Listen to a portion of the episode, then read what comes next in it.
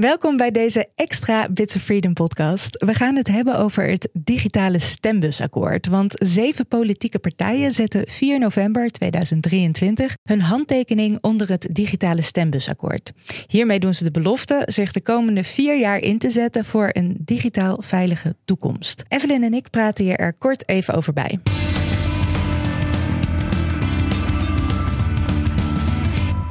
Evelyn, we hebben tijdens het inbellen met Marijn in de eerste aflevering van dit seizoen al even gehad over het stembusakkoord. Wat houdt het ook alweer precies in? Je zei het eigenlijk net heel uh, mooi. Dus het zijn beloften die politieke partijen doen voor wanneer ze aan de macht zijn. Dus afspraken die ze maken. Dus die ze eigenlijk voor de verkiezingen al maken. dit gaan wij in ieder geval doen. Precies. Als je op mij stemt, ik beloof dat ik X en Y ga uitvoeren. En dat hebben ze nu gedaan op digitale zaken, ja. specifiek onze onderwerpen. Mhm. Wat zijn voor jou de belangrijkste onderwerpen die in het akkoord naar voren komen? En wat wordt daar zo'n beetje over afgesproken? Ja, um, nou het zijn uh, best wel wat punten, maar één die er voor mij echt uitspringt is op het gebied van uh, kinderrechten. Mm um, dus we, uh, ze hebben afgesproken dat ze dat het belangrijk is dat kinderen anoniem, zonder gesurveilleerd te worden, zonder gemanipuleerd worden, uh, zich online kunnen bewegen. Uh, eh, Super belangrijk. We zitten midden in een grote, uh, groot gesprek over encryptie. Uh, in relatie tot kinderbescherming. Er komen allerlei plannen aan rondom leeftijdsverificatie op websites. Dus dit gaat een super belangrijk thema worden. Wat vet dat ze daar die afspraak al over gemaakt hebben. Ja, precies. Um, ja, en je kan ook denken aan dingen zoals leerlingvolgsystemen op school. Ja. Waarbij je de hele tijd naar je ouders verklikt wordt wat je aan het uitvoeren, uitspoken bent. Nou, heel tof. Ander belangrijk onderwerp, de minister voor Digitale Zaken. Ja, ik zag hem. uh, Persoonlijk had ik uh, deze minister graag een andere titel gegeven. Um, maar hoe dan ook is het super uh, belangrijk dat er meer aandacht komt uh, binnen het kabinet voor digitalisering. de staatssecretaris voor digitale zaken die we tot nu toe de afgelopen paar jaar hebben gehad, Alexandra van Huffelen, heeft super tof werk gedaan. We willen haar graag promotie geven. Erg goed. en dan noemen we haar de minister voor digitale mensenrechten. Oké? Goed plan.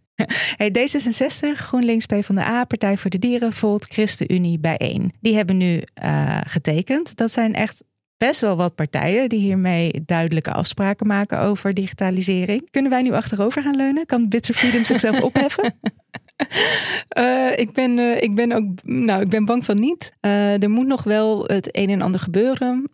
Nou, ten eerste, het zijn lang niet alle partijen die straks in de Tweede Kamer komen. Um, maar um, in het stembusakkoord zijn er ook bepaalde zaken waar iedereen, denk ik, weer op zijn eigen manier invulling aan geeft. En die dus echt nog een hoop vertaling nodig hebben naar concrete beleidsplannen. en daar, dat is iets wat wij nog heel goed in de gaten zullen moeten en willen houden. Oké, dus. Um, wij houden dat in de gaten. Dit akkoord is er, de verkiezingen komen daaraan. En, mm. en hoe gaat dat dan verder? Um, nou, uh, mensen uh, gaan hun stem uh, uitbrengen. dat is. Oh, werkt, werkt, dat zo met de verkiezingen? ja. Op 22 november. Um, en daarna begint de formatie. Uh, dus dan gaan de partijen, uh, de grotere partijen die uit de verkiezingen zijn gekomen, in eerste instantie met elkaar in overleg om te kijken of ze samen tot een, uh, het liefst een hele grote meerderheid kunnen komen. want hoe groter die meerderheid, hoe groter de kans dat je een soort van slagvaardig bent. Um, en als dat niet lukt, zullen er allerlei andere um, ja, soort formaties worden onderzocht. dus welke partijen kunnen met elkaar door één deur en uh, hebben het gevoel dat ze daarbij niet hun achterban verraden. En als ze daar dan allemaal eenmaal zitten, dan pakken ze dat digitale stembusakkoord er weer bij en dan gaan ze daar volgens handelen. Precies, en je kunt je voorstellen dat ze dat ook al eerder kunnen doen. Dus we hadden vorige keer hadden we een vrij lange formatie. Um, en het is natuurlijk niet zo dat uh, het werk van de regering uh, drie maanden lang helemaal stil ligt. Uh, dus wij zullen ze zeker al veel eerder herinneren aan hun belofte.